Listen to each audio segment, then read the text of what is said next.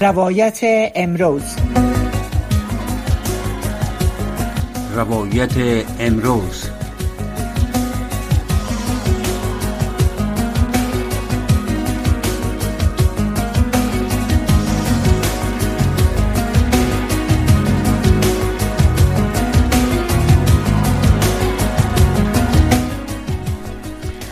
شنونده های محترم سلام. وقت شما بخیر. روی زمانی هستم با برنامه روایت امروز از امواج رادیو آشنا صدای امریکا شنونده های محترم روسیه می‌گوید که بی‌ثباتی در افغانستان ممکن به تمام منطقه سرایت کند. بر اساس گزارش خبرگزاری تاس روسیه منشی شورای امنیت ملی روسیه امروز در نشست مشاوران امنیت ملی کشورهای منطقه در مسکو ادعا کرده که غرب مسئول ایجاد بی‌ثباتی در افغانستان است. در این نشست که به خاطر بررسی و اوضاع افغانستان برگزار شد آقای پتروشف همچنان افزوده است که دلیل سرایت بی‌ثباتی از افغانستان افغانستان به منطقه به جاماندن تجهیزات نظامی سلاحها و تیاره های جنگی کمک شده. از سوی کشورهای غربی در افغانستان است. روسیه در حال از افتادن اسلحه به جامانده غرب در افغانستان به دست ترورستان منطقه‌ای ابراز نگرانی کرده که چند پیش مقام های هندی گفتند که اسلحه از نزد تنروان کشمیری ضبط کردند که شبه آن پس از خروج قوای خارجی در افغانستان به جا مانده است. خب روی این موضوع در برنامه که چقدر این صلاح می‌تونه باعث ثباتی کشورهای منطقه شود و کدام کشور منطقه بیشتر در معرض خطر قرار داره. مهمان برنامه برنامه امروز ما صادق امین رئیس روابط عامه در بنیاد تحقیقات و نظارت امریکا مستقر در واشنگتن دی سی است. آقای امین شما را به برنامه خوش آمدید میگیم. سلامونه زمین تاسو او استاد قدرمن و اویدونکو خب آقای امین در آغاز برنامه شما را می‌خوایم بپرسیم که به نظر شما آیا صلاح بجامانده نیروهای خارجی در افغانستان که فعلا در اختیار طالبان است یگانه دلیل سرایت بی ثباتی از افغانستان به کشورهای منطقه شده می‌تونه یا دلایل دیگری هم در دلایل دیگر هم وجود دارد؟ تشکر. من فکر می‌کنم که کشورهای که در بیرای شورای امنیتشان نشست داشتن در مورد افغانستان کشورهای منطقه که شامل روسیه، چین، هند، ایران، تاجیکستان و کشورهای دیگه همسای افغانستان مثل ازبکستان و ترکمنستان میشه. نگرانی های جدی در قبال امنیت افغانستان آینده ثبات سیاسی در افغانستان و تاثیراتش بالای کشورهای خود دارند موضوع تسلیحات یک بخش بسیار کوچکی از نگرانی ها هست که مرتبط میشه به موضوع بسیار بزرگتر که ربط داره به مشروعیت نظام سیاسی در افغانستان آینده حاکمیت طالبان در افغانستان و ای که احیانا اگر تلاش جامعه جهانی مبنی بر حل مشکل مشروعیت نظام سیاسی در افغانستان و یافتن یک راه حل برای شکستن بنبست سیاسی در افغانستان پیدا نشه و حاکمیت طالبا هم نتونن که استقرار لازم را در جغرافیای افغانستان داشته باشند مشکلات ذات البینی که راپورایش می‌رسه. اگر این جدی میشه در بین طالبا و شکنندگی به وجود میاد چندستگی به وجود میاد و زمینه را مساعد می‌سازه برای حضور گسترده گروپ های توریستی منطقه‌ای و بین المللی طبیعی است که تسلیحات به جامانده غرب در افغانستان که به دست این گروه ها اگر ایانان برسن هر کدام از اینا با اجنده های منطقه‌ای و بین المللی که دارن می‌تونن که امنیت این کشورهای منطقه را به خطر مواجه کنن و مشکلات جدی را برای اینا مواجه سازن خب آقای امین در حال حاضر نظر یا تحلیل و بررسی های شما چی است که چقدری سلاح های بجامانده نیروهای خارجی در افغانستان که اکنون در اختیار طالبا است محفوظ است؟ یعنی چقدر نگهداری از این به صورت درست استفادهش به صورت درست توسط حاکمانی که حالا در افغانستان هستند استفاده میشه؟ من فکر می‌کنم بیشتر از که در موضوع تسلیحات که یک بخش کوچکی از از یک کروسی شکست سیاسی در افغانستان محسوب خواهد شد. این توسط این مجموعه یا مشارکت مشخص از طرف روسا یادآوری از این موضوع و انتقادشان از غرب است. فعلا طبیعی است که مسئولیت هر نوع تهدیدی که به کشورهای منطقه سرایت کنه مسئولیتش به دوش طالب ها هست و طالب ها من حیث حاکمیت فیلی افغانستان مسئولیت دارن برای تامین امنیت جغرافیای افغانستان تامین امنیت مرزهای افغانستان و اینکه کدام تهدیدی از افغانستان به کشورها سرایت نکنه. طبیعی است که تمامی تسلیحات با جامانده بخش اعظمش به دست طالب ها افتاده و مسئولیت امنیت و حفاظت و نگهداری از این تسلیحات و تجهیزات که شامل تانک ها، تیاره ها و همدی ها و غیره تسلیحات پیشرفته که در طول 20 سال حضور قوت های ناتو و امریکا به قوت های امنیتی افغانستان تسلیم داده شده و داده شده. دیپوهای بسیار پر از سلاح ها و تجهیزات و راکت ها و مرمی ها اینا همگی در دسترس طالب ها قرار دارند و نهادهای امنیتی که در کنترل طالب ها هستند شامل وزارت دفاع داخله و امنیت ملی و دیگه بخشا اینا مسئولیت و وظیفه دارند برای حفاظت و نگهداری از این تسلیحات و اینکه کوشش کنند که این تسلیحات و سلاحات در دست گروه های مسلح غیر مسئول در بین خودشان و یا که در بین از از از های زیاد بیرون نشه خب سوال همین جز آقای همین که چقدر اونا ظرفیت امی توان ظرفیت و توانایی نگه داشت این سلاح ها را به صورت مسئول دارن گروه طالبان؟ من فکر می‌کنم که به صورت عموم اگر به ظرفیت و توانایی طالب ها دیده شود طالب ها به حیث یکی از گروه های سیاسی و نظامی در افغانستان ظرفیت لازم برای اداره یک دولت و یک ساختار و یک حکومت را ندارند روی همین ملحوظ بود که در جریان مذاکراتی که ایالات متحده امریکا و شرکاش با طالبا انجام می‌دادن تاکید روی بود که باید طالب ها و حکومت افغانستان و مجموعه سیاسیون زی دخل در قضای افغانستان جهت های مختلف اینا وارد گفتگوهای بین الافغانی شوند و در نتیجه از او نتیجه مذاکرات بین الافغانی یک حکومت همه شمول ایجاد شود که طالب های از بخش از او حکومت باشند ولی نه کلش. با او خاطر او تو یک دولت و یک دولت همه شمولی که نمایندگی از تمامی جناهای سیاسی در داخل افغانستان بکنه ظرفیت لازم را خواهند داشت تا از از منابع مختلفی که در اختیار دولت افغانستان قرار گرفته با شمول تسلیحات نظامی و غیره ساختارهای نظامی بتونن حفاظت کنن و هم بتونن توانایی دیگه داشته باشن استقرار و حاکمیت لازم را برقرار بسازن در سر تا سر جغرافیای افغانستان. و اجازه ندن که تهدیدهای از جغرافیای افغانستان متوجه کشورهای همسایه و دنیا شود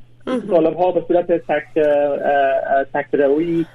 گونه قدرت را به دست گرفتن و امروز ادعای از این می‌کنند که ما حاکمیت را در دست گرفتیم به صورت کامل و توانایی استقرار و امنیت را داریم در افغانستان و اینکه هیچ گونه تهدیدی متوجه کشورهای همسایه و دنیا نخواهد شد. اینمی ادعای طالبا در این نشست در حقیقت زیر سوال رفت. که این کشورهایی هستند که با طالبا بسیار روابطشان نزدیک داشتند در جریان جنگ های مسلحانه که در مقابل ناتو و قوات افغان می‌کردن. کشورهای مثل ایران کشورهای مثل پاکستان کشورهای مثل روسیه اینا از های طالبا بودن. وقتی که این روز اینا من حیث های طالبا میان احساس نگرانی می‌کنن از توانایی و ظرفیت طالب ها مبنی بر در کنترل داشتن تمامی منابع خشونت که شامل اسلحه و غیره منابع میشه اینا احساس نگرانی می‌کنن. و در یک سطح مطرح می‌سازن. خودش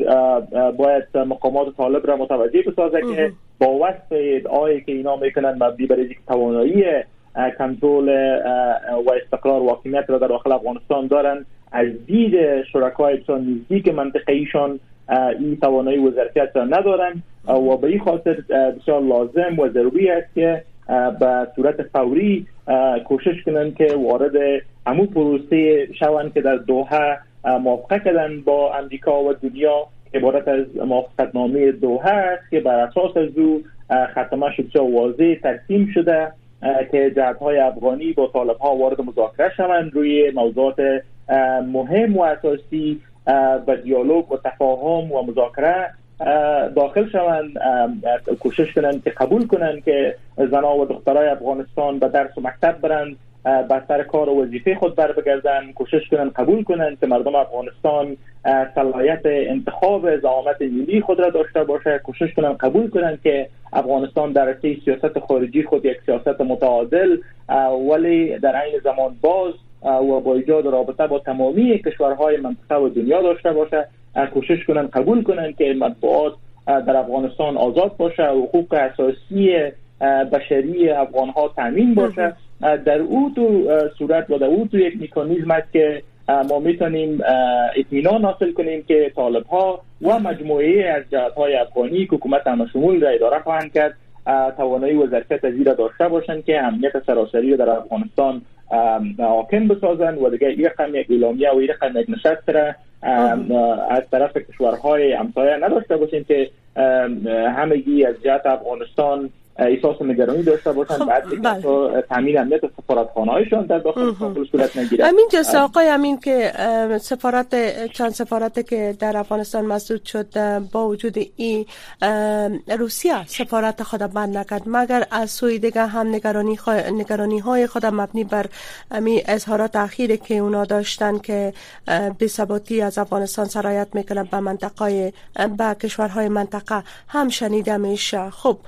از یک طرف سفارتش در افغانستان هست و از طرف دیگری نگرانی ها را ابراز داشتن چی دلیل شده یا چی دلایلی بوده که باعث این نگرانی روسیه شده؟ آقای امین. من فکر می‌کنم که حضور دیپلماتیک کشورهایی که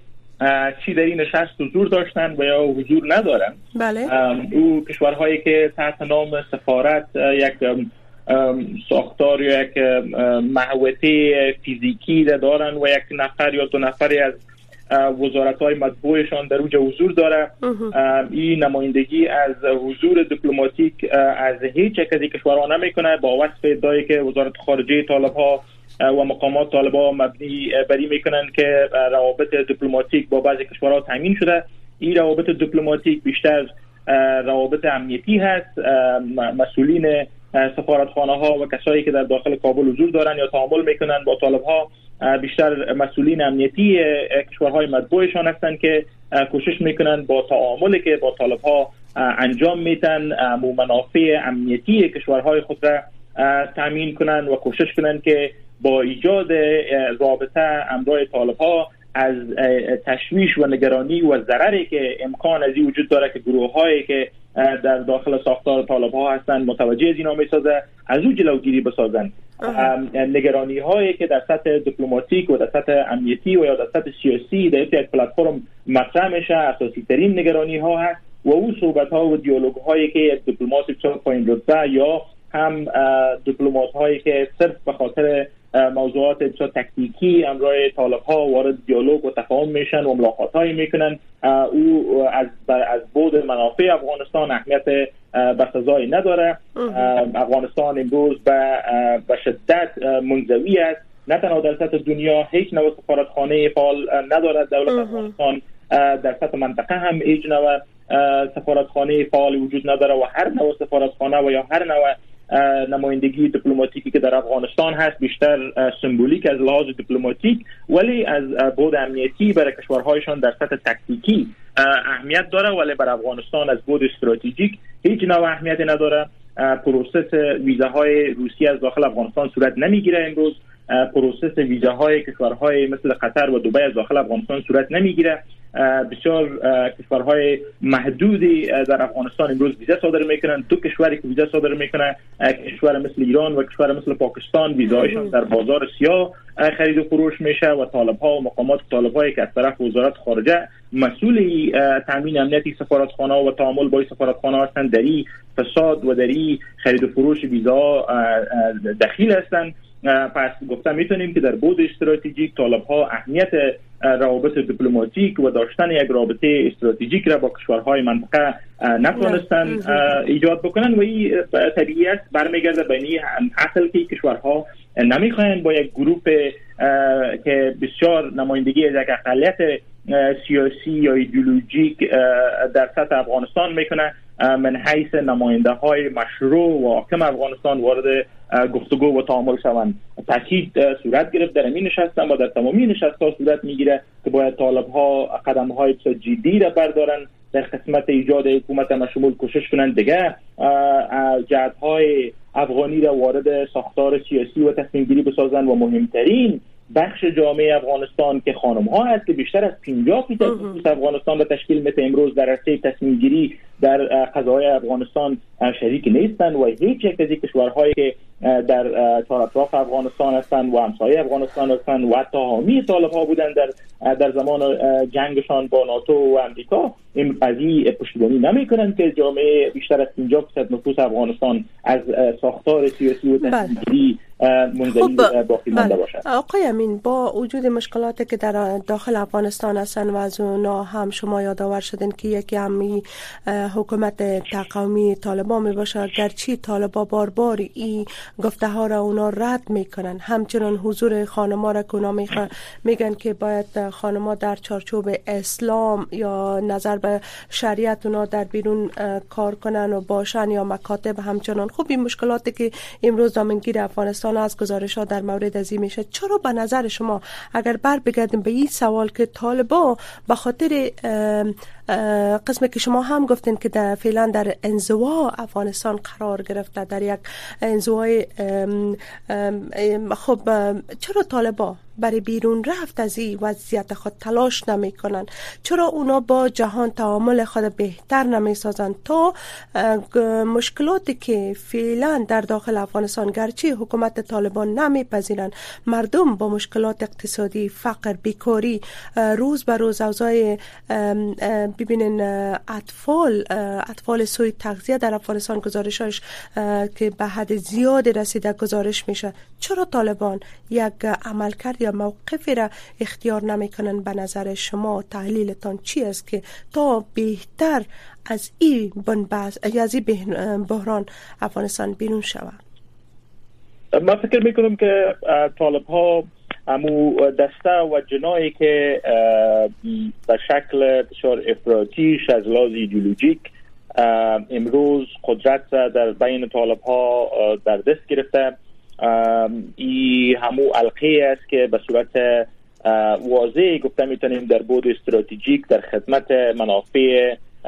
کشور همسایه ما پاکستان اینا عمل می‌کنن. پاکستان از بسیار دیر مدت در قبال افغانستان استراتژی عمق استراتژیک خود را تعقیب می‌کرد. و این استراتژی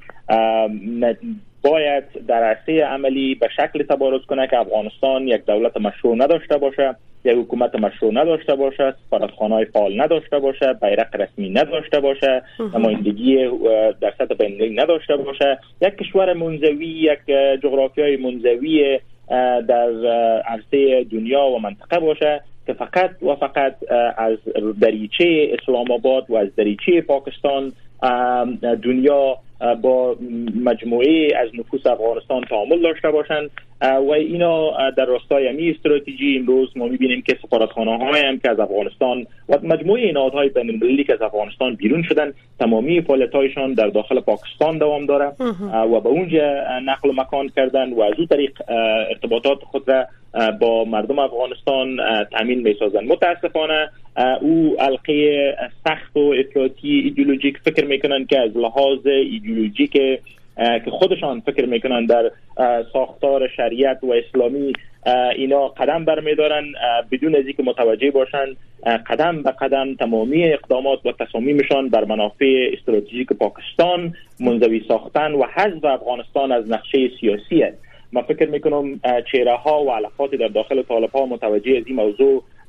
شده باشند که مطمئنا هستند. هی علاقات ملیگرا و وطن دوست در بین طالب ها امیدوار هستیم که به زودترین فرصت ممکن با درک ای توطعه بسیار بزرگ در راستای حذف جغرافیای افغانستان هویت افغانستان بیرق افغانستان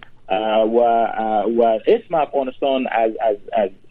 سیاسی و اجتماعی افغانستان دنیا وارد عمل شوند. ابتکارات را در دست بگیرن. تمامی او قدم ها تمامی او ابتکارات تمامی او پالیسی ها و تصمیم هایی که باعث میشه که دنیا و منطقه از افغانستان روی گردان شود. اینا باید او تصمیم ها و پالیسی ها را تک به تک باید برگشت بتن. آغازش باید در این ماه پیشرو باید انجام بتن که تصمیم بسیار واضح و قاطع در مقابل ولقه بگیرن و اجازه بتن که دخترها در مکتب خود در بهار سالان آینده وارد شوند دخترها پس برند سر مکتب و پنتون و کار خود و این قدم های ابتدایی خواهد باشه که نشان میده که واقعا حلقه که در رأس افغانستان در رأس تصمیم گیری ها است حلقه تصمیم گیر واقعا به نمایندگی از افغانستان است نماینده های افغانستان هستند و به فکر افغانستان هستند که در اون صورت بازو خودش دریچه را باز می‌کنه به اینکه دنیا و منطقه وارد یک تفاهم و دیالوگ و روابط سازنده با مقامات طالب ها شوند و امرایشان کمک کنند که به مشکلات اقتصادی و مشکلات بشری که روز افغانستان به او مواجه هست سر گریبان است او را حل بسازن و مهمتر از او موضوع بحران مشروعیت نظام سیاسی افغانستان را که مهمترین و اصلی ترین بحران که امروز افغانستان متوجه است بله. بحران مشروعیت سیاسی است این موضوع با تفاهم و دیالوگ و ایجاد زمینه سازی برای مذاکره با دیگر جهت های افغانی انشالله که حل شود. خب آقای امین آیا شما فکر می‌کنید تقریبا یا نزدیک به 18 ماست که طالبا در افغانستان حاکم هستند بار بار جامعه جهانی تقاضا کردن از طالبان؟ امی چیزایی که حالا فعلا شما از سخنان شما ایراد کردن که باید دته شود. چی فکر می‌کنید که آیا طالبا میپذیره بعد از که مثلا در ماه عمل که آغاز سال هجری شمسی در افغانستان می باشن اونا مکاتب خصوصا برای دختر خانم باز کنن در افغانستان. یعنی چقدر آمادی پذیرش هستن طالبان که تعامل کنن پس از 18 ماه با جهان؟ چی 18 ماه باشه یا 18 سال یک سال باشه چی 6 سال دوره قبلی حاکمیت طالب ها مثل یک آینه باید در مقابل تمامی دستن در کارهای طالب ها چی ولقه افراطی که به صورت خواسته یا ناخواسته در مقابل در راستای تطبیق استراتژی پاکستان مبنی بر منزوی سازی افغانستان گام برمیدارن و چی ولقه میانره و ملیگرا و وطن دوستی که فکر می‌کنن با این رقم حرکات سختگیرانه با دنیا و جامعه جهانی شاید بر تامین منافع افغانستان اینا کار می‌کنن. باید او دوره را پیش خود به یک آینه شفاف ببینن که وقتی که دنیا و منطقه در راستای مشروعیت سیاسی طالب ها و حاکمیت طالب ها قدم بر نمیداره چی حاکمیت یک سال باشه چی شک سال باشه به این معناست که یک روز حاکمیتشان پایان پذیر است.